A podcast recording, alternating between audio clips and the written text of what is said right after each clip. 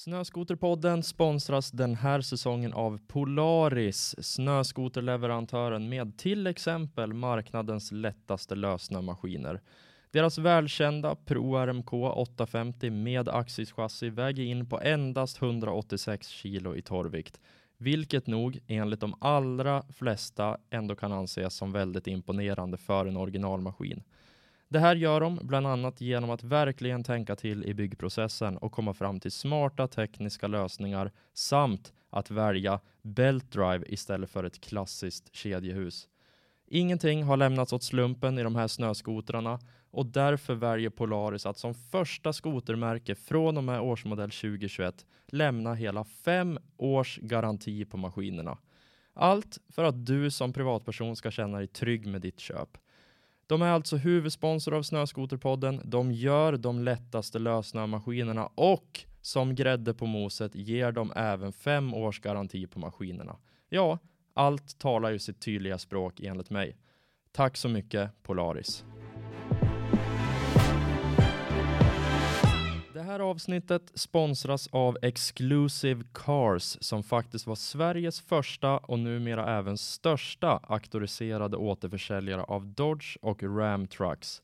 Just nu kan du köpa en splitterny 2021 Dodge Ram Laramie Night Edition för 4 995 kronor per månad med en vägskatt på bara 2 439 kronor per år vilket faktiskt är extremt lite för en bil i den här storleken. Det här, kära poddlyssnare, är den perfekta bilen för dig som både vill åka skönt, rymligt och samtidigt ha plats för en skoter på flaket. Helt enkelt en riktig amerikansk pickup till ett väldigt överkomligt pris. Hör av dig till Exclusive Cars för mer info. Tack så mycket Exclusive Cars. Nej, de har skött sig bra. Och det är ju det, man ska inte göra något annat. Är man rädd om sin egen, sitt eget intresse, då följer man ju de restriktioner som finns ja, här och exakt. då. Annars då, då skapar man ju sina egna förbud. Ja, det är det som är så dumt. Ja. ja. Uh, men det är ju jäkligt härligt. Jag hade faktiskt trott när jag, när jag ställde den frågan, jag hade faktiskt trott att det skulle vara ett litet problem så här att ja, men det buskörs mycket och det är liksom. Ja, det, om vi nu ska kalla det buskörs, det gör det ju, men inte, det stör ju inte oss.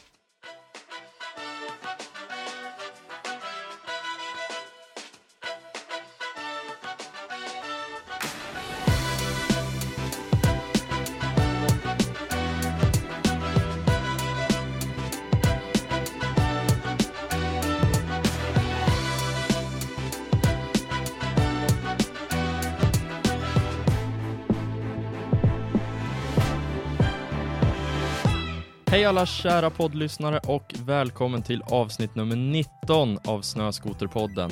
Jag hoppas att sommaren har varit bra och att du har laddat batterierna rejält för att nu närmar vi oss vintern och skotersäsongen på riktigt.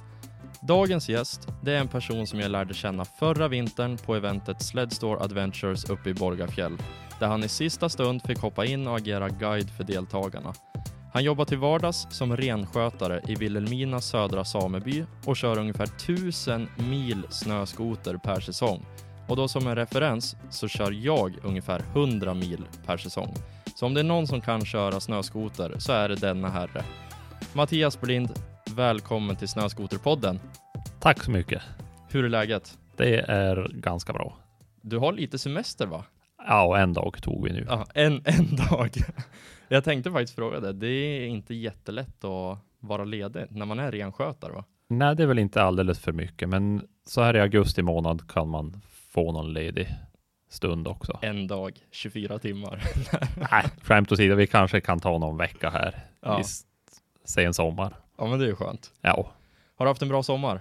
Jo, den har varit en trög start på, men det fanns ju en sommar där bakom den här långa våren som var och ja, vintern. Men eh, det, det, alltså i fjällvärlden, snön låg ju kvar hur länge som helst. Jo, 8 juli, 9 juli, 8 eller 9 juli ställde vi bort skotrarna i år. Juli. då har liksom många har gått på semester vid den tiden och då åker du fortfarande skoter. Ja, tyvärr måste man nästan säga. ja, nej, kanske inte jätte, kanske inte jätteroligt att behöva åka mitt i sommaren. Nej. Men hur, hur, eh, om man inte åker skoter då, hur, hur tar man sig fram då? när vi jobbar så är det ju med fyrhjulingar eller motorcykel eller benen på kroppen. Ja, ja jag tänkte säga det. Det, in, det kan inte vara superenkelt. Skoter måste ju vara klockren så att man bara tar sig fram typ precis överallt. Den är ju ett redskap som har förenklat vårt yrke ja. avsevärt. Det måste ju vara det bästa. Ja. Plus att det är lite roligt. Det är det ju också. Men du har alltså haft en bra sommar, du har kunnat vara ledig lite grann. Har du gjort någonting roligt i sommar då? Ja, jag har ju försökt att lära mig papparollen. Du har blivit pappa. Yes. Grattis. Tack för det. Hur känns det? Det är roligt och det känns bra. Ja. Är det inte jobbigt? Inte än så länge. Hon är snäll. Ja, hon är riktigt snäll. Du har, du har, man, nej, man kan inte säga att du har haft tur. Det har du ju inte, utan det är ju skicklighet. Det ja, det måste ju vara något, Det måste vara något sånt. Ja. man kanske får tillbaka det när de är 14 istället. Man brukar ju säga att man får de barn man förtjänar och det kanske du har fått då. Ja, Vi hoppas det. någonting bra och snällt. Men du, du bor i Vilhelmina, eller hur? Ja. Och du är född där uppe? Jag är född och uppvuxen i Vilhelmina. Och du har bott där hela livet? Ja, nu är, lever vi ju som nomader så att vi flyttar ju omkring ganska mycket. Renarna bestämmer ju vars vi ska bo och vilken, ja under olika årstider då.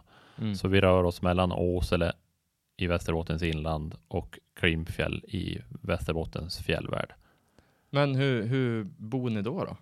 I Åsele har jag ett gammalt hus i en by som heter Mossavattnet okay. och i Klimpfjäll har vi ett fritidshus. Ja, och sen gör man typ dagsturer då utefter det. Alltså att man, eh, man åker ut och jobbar på det området ena dagen och sen så åker man ut till ett ja, annat område. Ja, årstidsbaserat. Ja, just det. Vi flyttar ifrån Klimpfjäll och fjällvärlden och november månad om det är bra, oktober och november. Mm.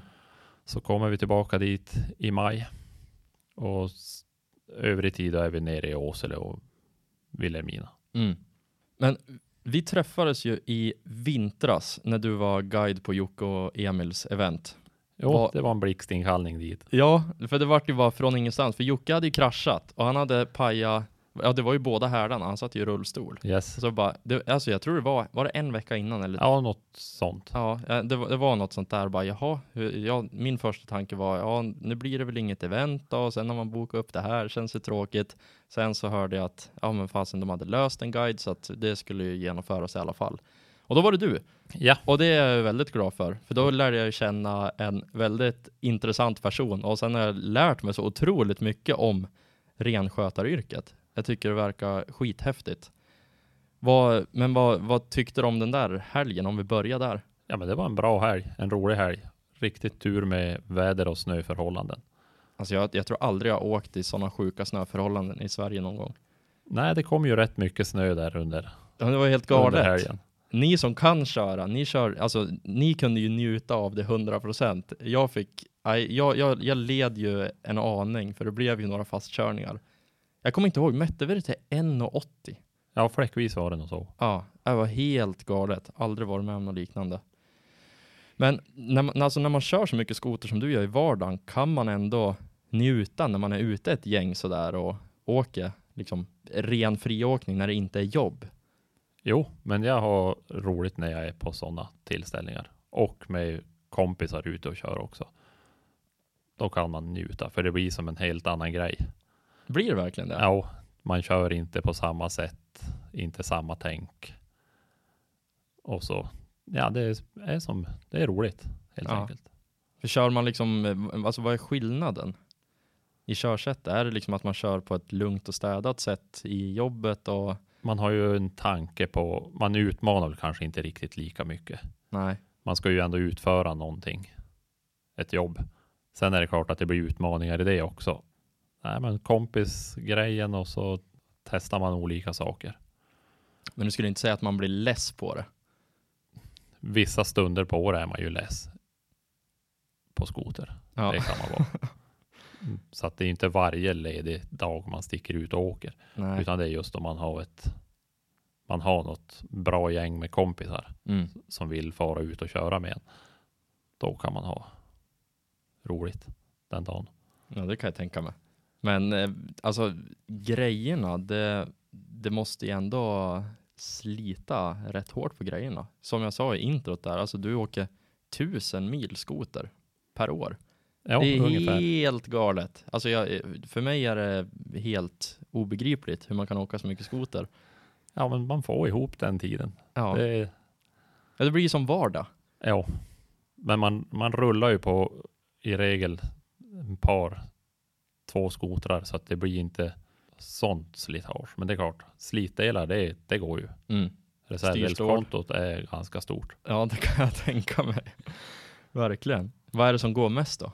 Styrstål och slides. Jag kör ofta på ställen där det kanske inte är jämtemycket snö jämt. Nej, inte Kan bli jämt. Inte, transporteras efter någon väg och sådär. inte, och inte i utkanterna på säsongen. Från början eller i slutet då, Mm. då kan det slita mycket på det.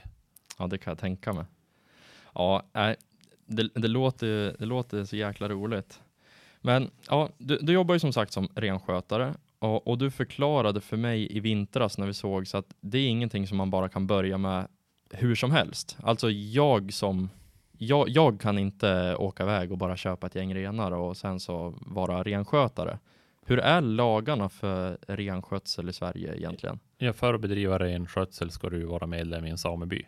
Och det är ju en ekonomisk förening som bedriver, som ägs av medlemmarna i samebyn om man säger. Och en sameby äger rätt att bedriva renskötsel inom ett geografiskt område också.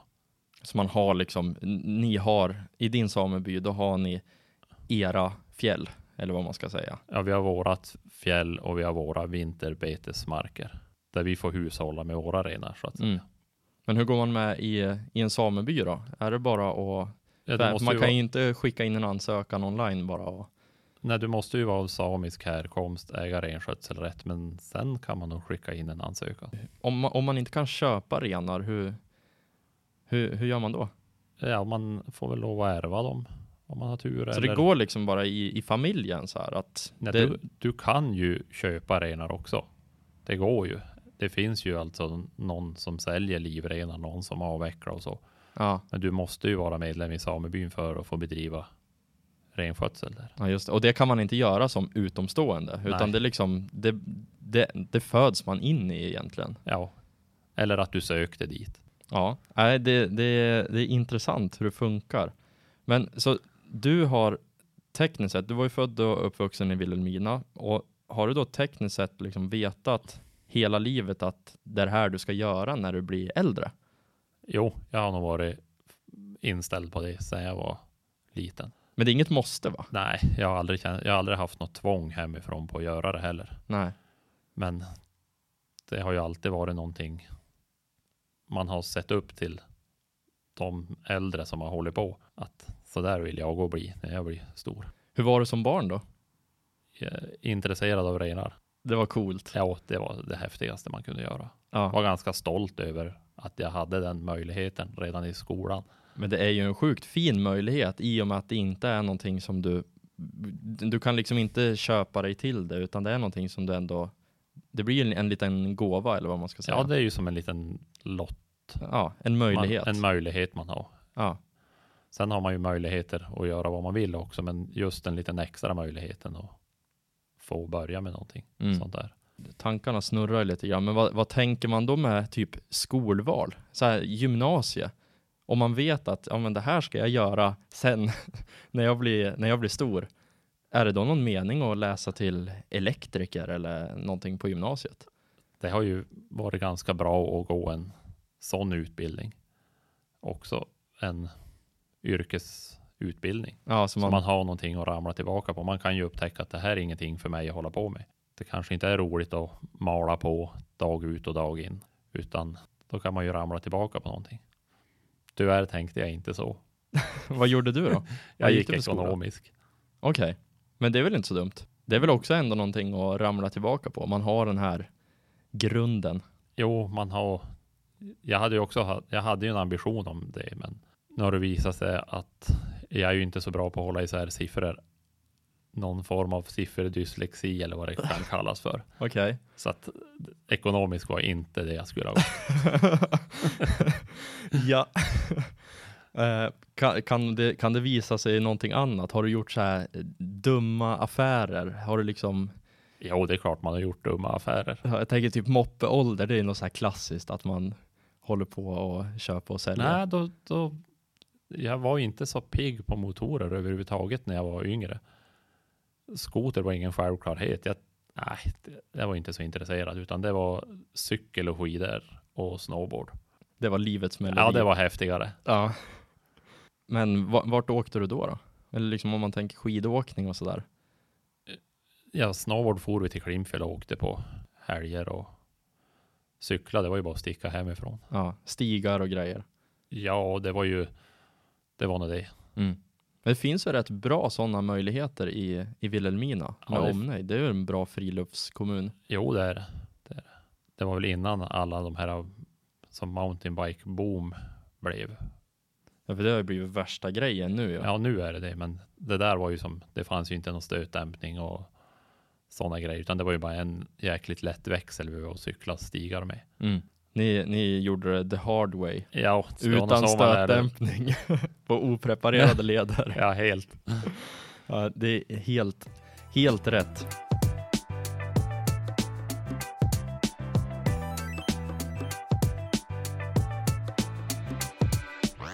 En ren yrkesmässig fråga som jag har funderat på länge och det är hur fasen håller man koll på en renflock när de ger sig iväg rakt över ett fjäll? Eller ännu värre då, när de typ splittras. Ena gruppen går rakt över fjället och den andra går rakt in i riktigt tight skog.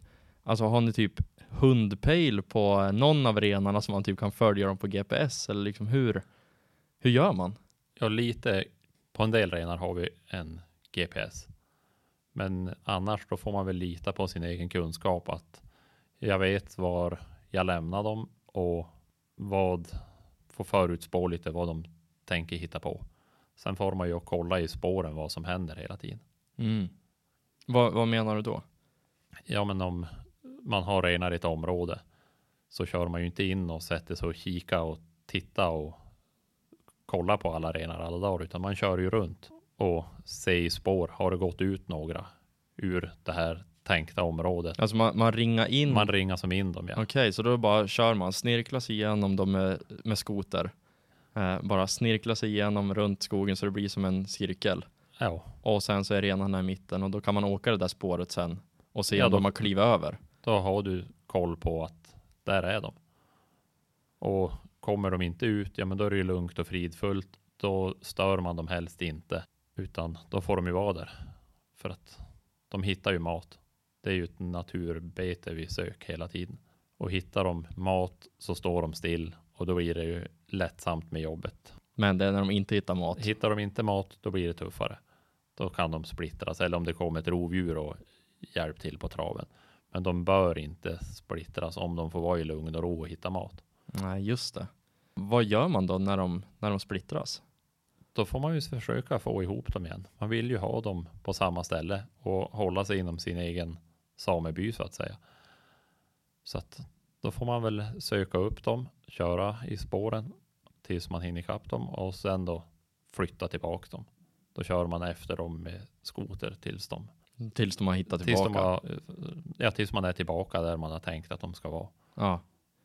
Ja, det, alltså jag, jag kan ju tänka mig de, de ger sig ju aldrig in i en väldigt fin och härlig träng med skoter, utan jag kan tänka mig att de tycker om att gå in där det är lite skogstrångt och jo, det är jo. mycket mat. Jajamän, det är så. Och då är det inte så kul att åka snöskoter där inne. Nej, men det är väl så vi har fostrat som skoterförare. Ja. Och få hålla efter spåren, inte få välja väg själv alltid. Och det har man väl haft igen sen. Ja, men det måste ju, det måste ju vara sån sjukt bra teknikträning och bara så här, ja, nu ska vi följa den här renflocken som har gått rätt in här. Jag skulle aldrig köra här annars, men nu måste jag.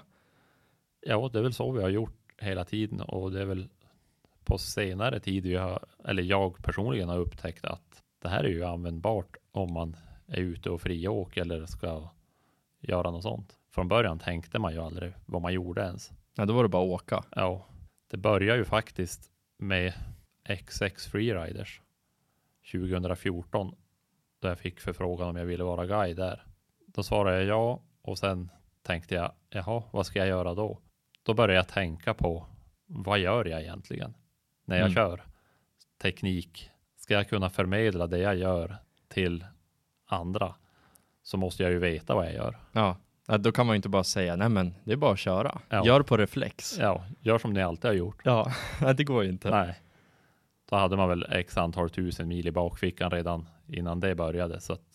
Men det var ändå då liksom så här, börja analysera. Vad, vad gör jag nu? Varför ja, beter sig skotern på det här sättet när jag gör si och så? Ja, det var väl i de där kring.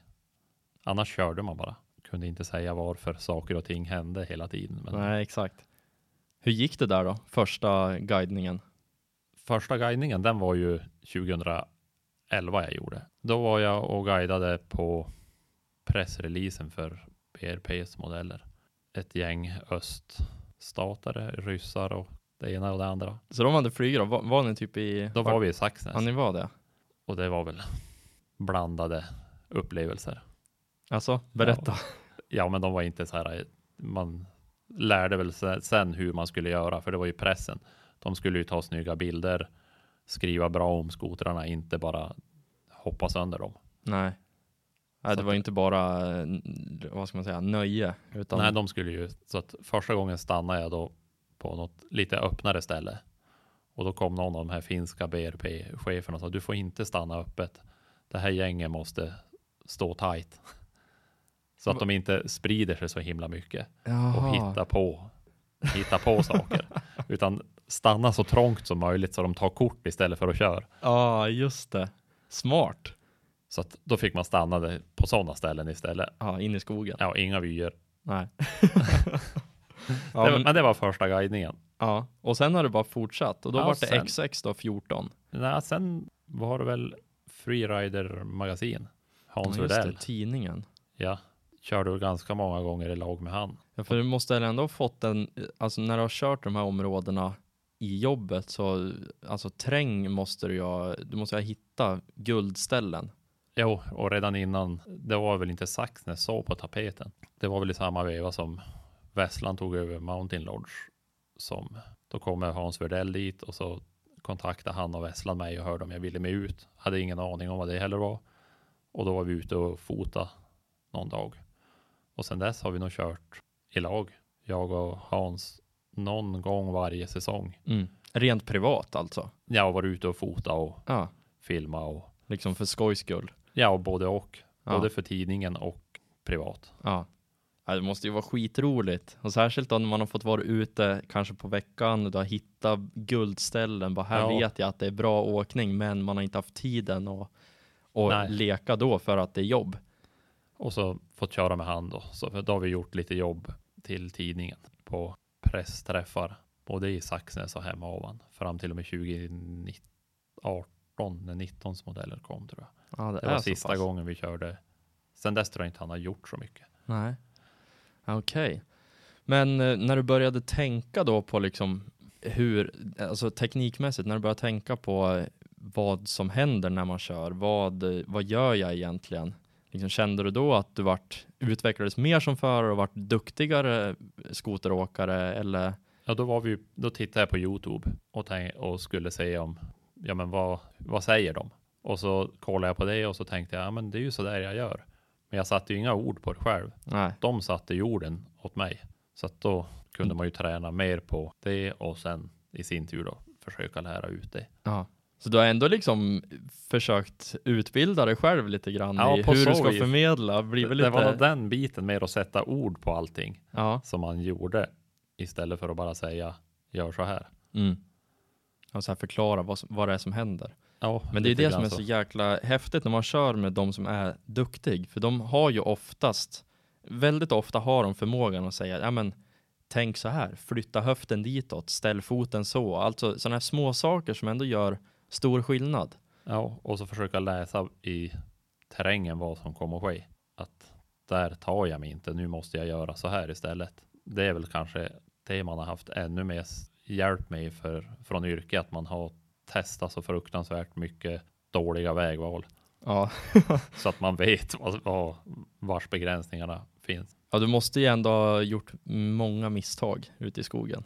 Oh ja, framförallt tidigt innan man köpte en skoter som var värd namnet heller. När man första 800 jag köpte 2012 var ju som ett lyft, en Summit 800. Ja, helt plötsligt då eh, gjorde maskinen en stor del av jobbet. Ja, och så hade man ju hittat ställena innan så man visste ju vart man ville fara och prova. Ja. Där inga andra, där man hade kämpat som tusan tidigt. Så då, det var 2012 då, den vintern. Då var vi nog också och körde med. Det var Jocke Rönnqvist och Jerry Jonsson och Emil Hankan och Grimborg när de skulle göra någon film för Rough Riders. De gamla legenderna. Ja. Nej, de, de, de var måste lite fan, yngre än jag då. De måste shapea upp. De måste fortsätta göra lite filmer. Mer skoterfilm till folket. Ja, det saknas ju. Ja, men faktiskt. Då fraktar vi de tre, fyra med korta RSar, en kort rush ner i något riktigt besvärligt bråte det var kanske inte så roligt. Nej, ganska värdelöst.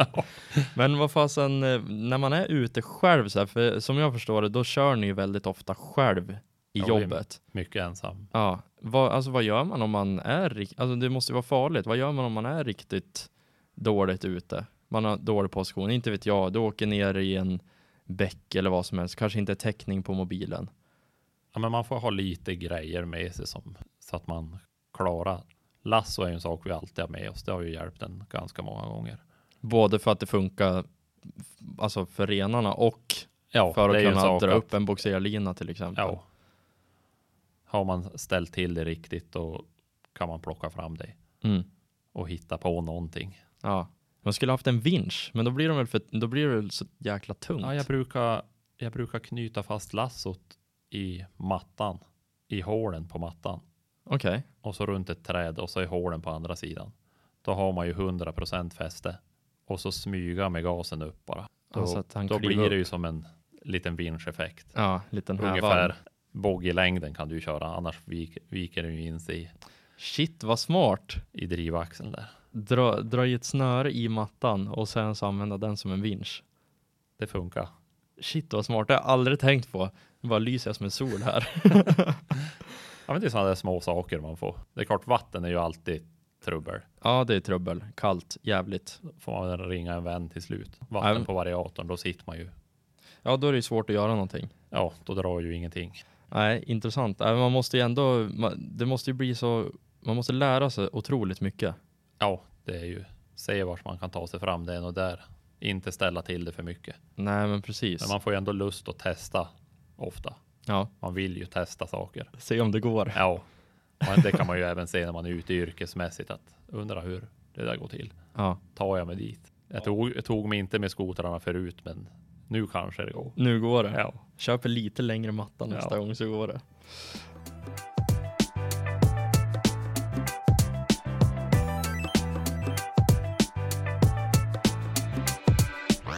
Men om man ska förklara då för en, eh, en nybörjare, vad går renskötaryrket ut på i stort? Ta hand om sina djur så att man kan leverera en bra produkt. Det är ju kött vi lever och säljer på. Det är det. Det är, ja, det är liksom inte bara att bevara renar som djur, utan det är också att man, man lever på det. Ja, man måste ju få en utkomst från någonting. Ja. Och det kommer ju från köttförsäljning. Då. Mm, det är så. Så tekniskt sett, då skulle du kunna säga att du är renbonde. Ja, man är ju, man är ju djuruppfödare. Det ja. är väl det man är. Skoterbonde slash renbonde. Ja, något sånt. Ja.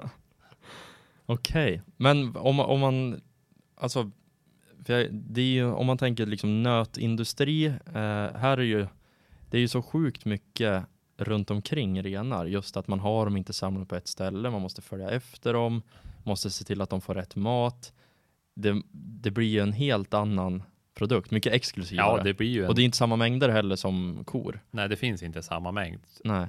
Och sen är det ju visionen som vi har, det är ju 100% naturbetesbaserat mm. för att få fram en unik produkt. Och det är väl det strävan är och hittills har vi väl lyckats. Ja, men gud ja. Det är ju liksom när man, när man ser så här torkat renkött eller om det är en renfilé på en restaurang, det är ju det är ju jättefint. Ja, och gott. Ja, och gott. Nej, men det, är, det är ju liksom det finaste. Så där ser man ju verkligen att det, det håller ju hög klass. själva produkten. Ja. Jag tycker det är roligt när du pratar om det som produkt, för man tänker ju bara, ja men renar det är lite djur och ja, man Ja, sköter om dem. Men det är faktiskt ett, ja, det är precis som du säger. Ja, det är coolt. Hur ser, hur ser en vanlig arbetsdag ut då? Vintertid så när det är skoter då så ja, men då fraktar man sig till området där man har renar och så gör man sin sväng runt och ser vad gör de? Måste jag ha alla mat? Måste vi flytta dem till ett nytt ställe? Se till att de mår bra helt enkelt. Och då kör man skoter Mm.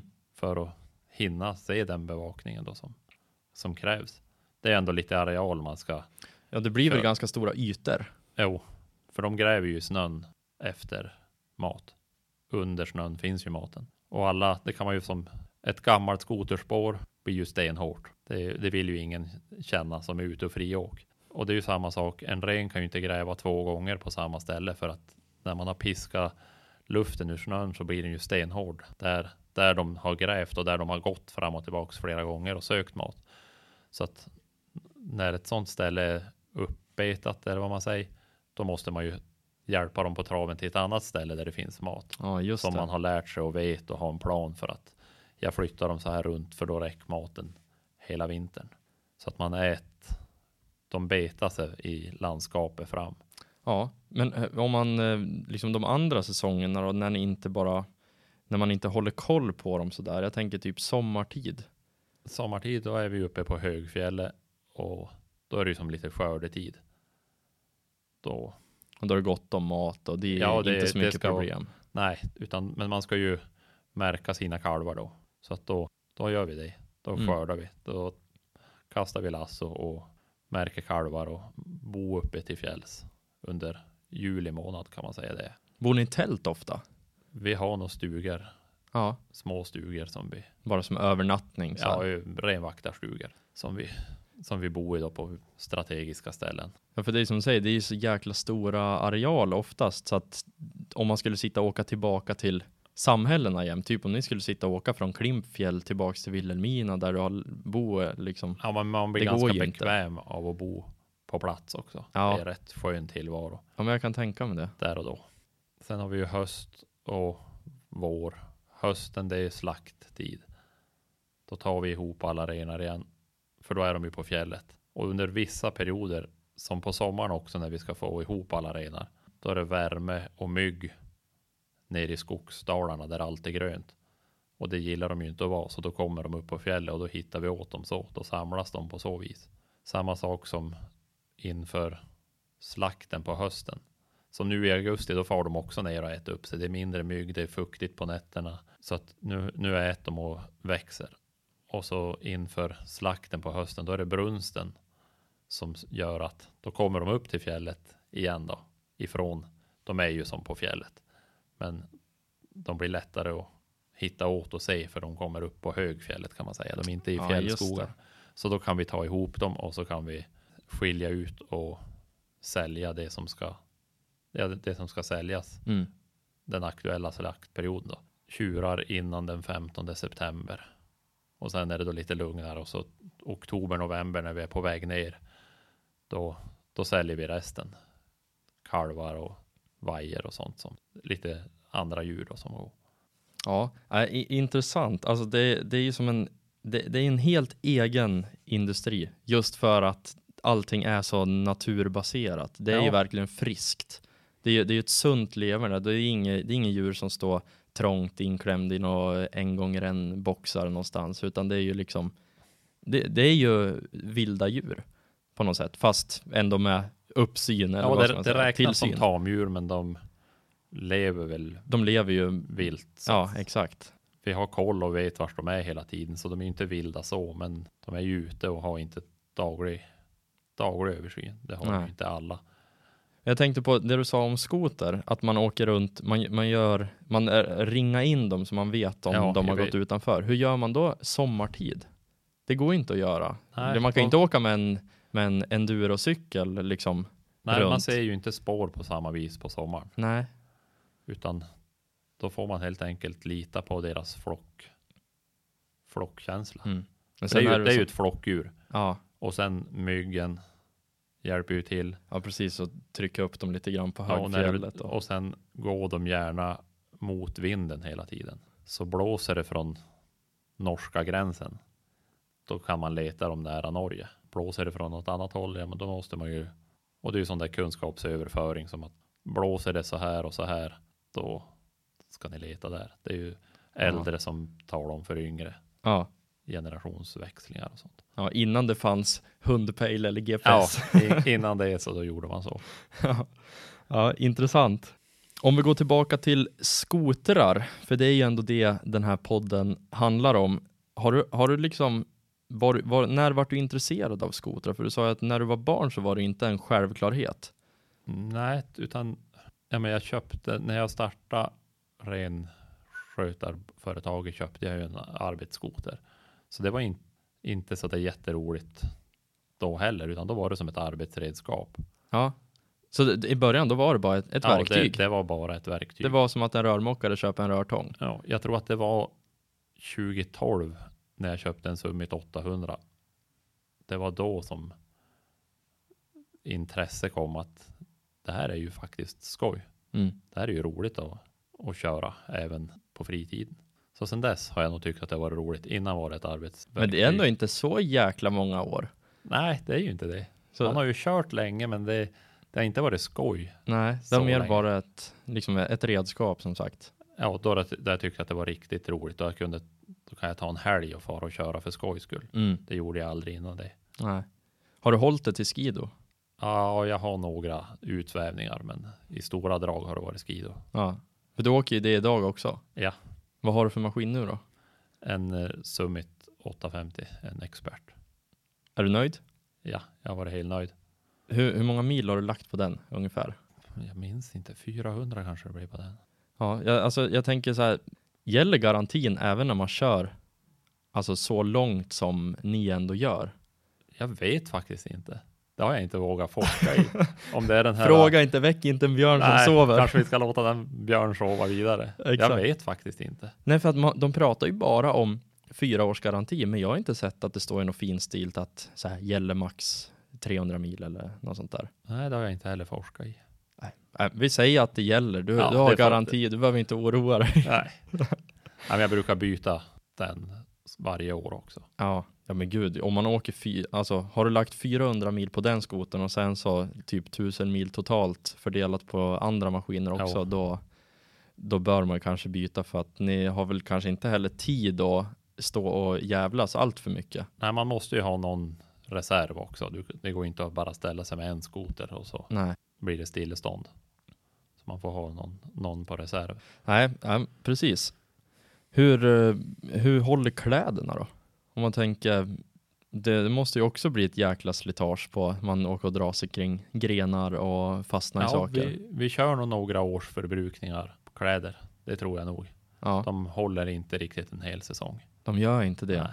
Nej. Men då är det ju också, om man tänker som mig då, om jag åker 100 mil på en säsong, du åker 1000 mil på en säsong, då skulle ju mina kläder, de räcker i 10 år. Och ja. det, det, är ungefär som att jag skulle köra mina i 10 år. Men det, samtidigt, det är ju arbetskläder. Ja, det är ju ett arbetsmaterial. Ja. Och med den nötningen så det blir nog svårt om det får någonting att hålla. För det ska ju vara smidigt också. Ja, nej det får inte vara klumpigt. Nej, du vill ju inte ha det heller. Nej. Så nej, det, nej, det går ju inte. Men, nej, men de, de håller förvånansvärt länge, det gör de ändå. Då ställer, man ställer ändå lite man, krav på man grejerna. Man har ganska höga krav på kläderna. Mm. Ja, för man är ute i det typ varje dag. Ja, så det är ju, nej, man måste ha bra kläder på sig. Ja. Vad skulle du anse är liksom det vikt, alltså de viktigaste egenskaperna i skoterkläder för att vara nöjd? Ja, smidigheten framför allt. Att de ska vara behagliga att ha på sig. De får inte vara för klumpiga. Ska inte känna det som en Michelin-gubbe när man, när man tar på sig dem. Alltså de ska, och så ska de sitta där de ska sitta. Inte något häng på några byxor och inget obehag någonstans. Utan Nej. Det får hellre sitta åt lite grann. Inte snowboard-stilen. Nej, helst inte. Nej. Men man ser faktiskt det. Det modet börjar ändå komma för att det har ju varit väldigt länge nu att man ska ha lite pösigt, det ska se lite oversized ut och att det, att det är lite coolt. Men nu ser jag, det är ju många. Jag vet både Klim, Tobi, de kör ju lite mer så här atletisk passform, att det är, det är en högre gren, det är lite smalare ben, det är lite smalare armar och sen så jobba typ med stretchmaterial och sånt där istället. Ja, men det tror jag är melodin också. Ja. Det är en av de här premiumkläderna man ska satsa på. Ja, ja men det, det, är väl, det är väl lite så, beroende på hur mycket man kör då. Ja. Sen så allting, allting har väl ett pris såklart. Ja, och tyvärr får man nog kanske det man betalar för. Ja, ofta, ofta är det ju. Det brukar följa varandra. Ja. Men om det, om det är för bra grejer, ibland då kan det bli också att så här, ja, men du, du köper någonting som är superduper stretchmaterial och det ska vara jätteskönt. Men då kanske du inte får den här hållbarheten. Så att det gäller ju också att hitta något, någon något lämpligt mellanting. Och jag har faktiskt, ja, jag vet inte, men de brukar hålla någon 50-60 dagar. Dagar? Ja. Okej, vi pratar dagar, vi pratar inte månader. Ja, men alltså det är ju innan man känner att det börjar läcka vatten i någon söm eller nu finns ju de som håller längre och kortare. Men... Och det beror på vad man utsätter det för ja, också. Och vilken, vilken modell du köper också. Vad du har under dem också är det väl lite grann. Kör man med stora benskydd så nöter det ju ännu mer. Ja, det gör det ju. Har ni skydd på er när ni åker skoter i jobbet? Nej. Ni har inte det? Nej. Du sitter alltså här i Snöskoterpodden och inte åker med skydd? när, jag, när jag friåker åker jag med skydd. Ja. Vi har, jag har riktiga skor. De stadigaste skorna har jag alltid. Hjälm är ju kanske givet mm. eftersom det är lag. Ja, det bör man ju ha. Det ska man ha på sig. Och så har man väl i kläderna så är det ju lite skydd, men det blir ju väldigt Det är för smidigheten under. och ja. värmen. Ja, exakt. För om man ska frakta, så det är ju samma sak där. Man vill ju inte ha för mycket grejer med sig heller. När du ska jobba med skoten hela dagen. Nej, men, ja, men gud, det, det, det går ju inte. Det Nej. förstår jag ju. Om man tänker, det, det, är ju en jäkla debatt i skoter-Sverige kring friåkning. Och nu, det är ju liksom, det är ju det stora. Det, är, det säljs mest friåkningsmaskiner, det är det populäraste, det är det alla skotermärken marknadsför också. Men hur ser du på friåkningen som som liksom renskötare? Ja, i vårat område där min egen sameby verkar så har vi väl inga större problem med, med friåkare.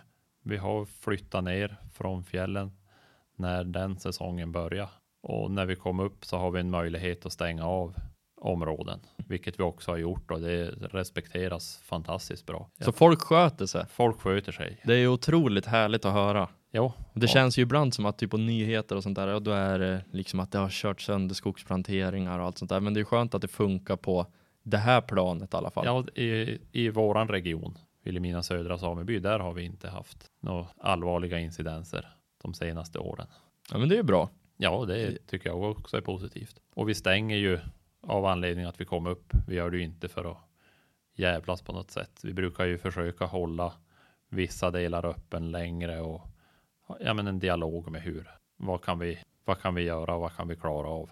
Och det har, ja, men jag tycker att det har funkat bra. Så att friåkningen, det skulle, du som ändå jobbar ute i det fria, du skulle inte säga liksom att det, att det är ett stort problem?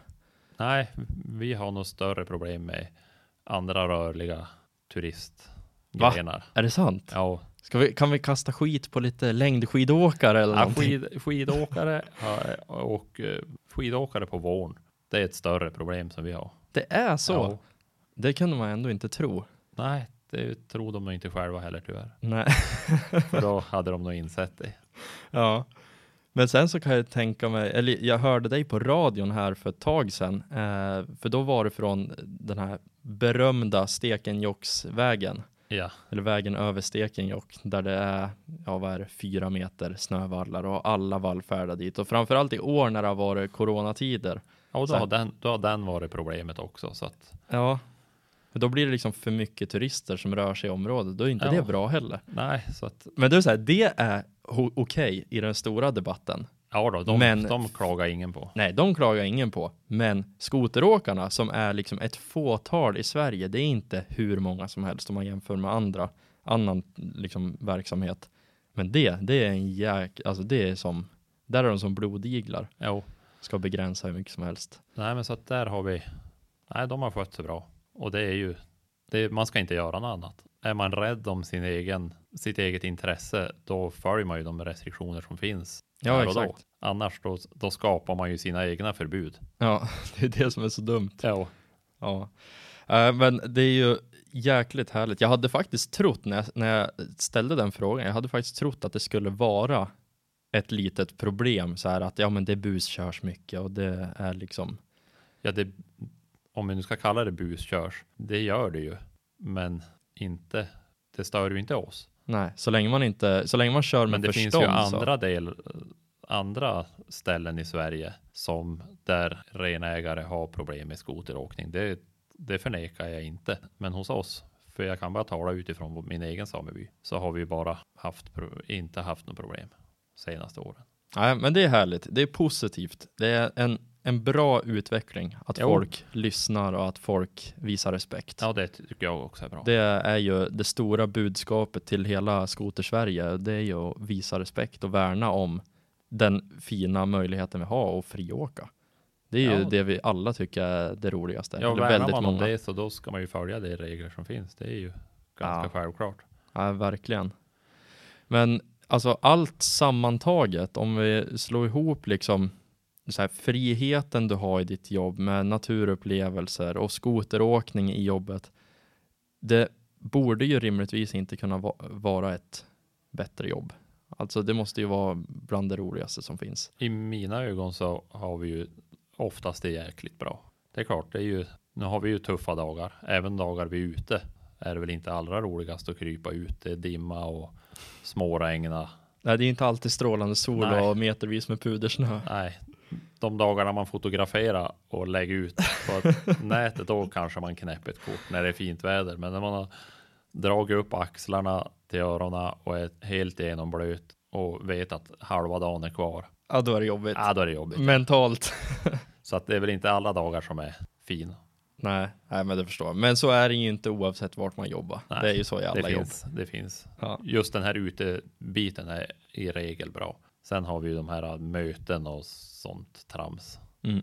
som man måste vara på. Det är ja. ju aldrig roligt. Nej, nej, men så är det ju. Ett ont måste. Ja då. Men du, shit vad fort tiden går när man sitter och pratar om roliga saker. Vet du hur länge vi har spelat in? Inte en aning. Kan du gissa? 48 minuter.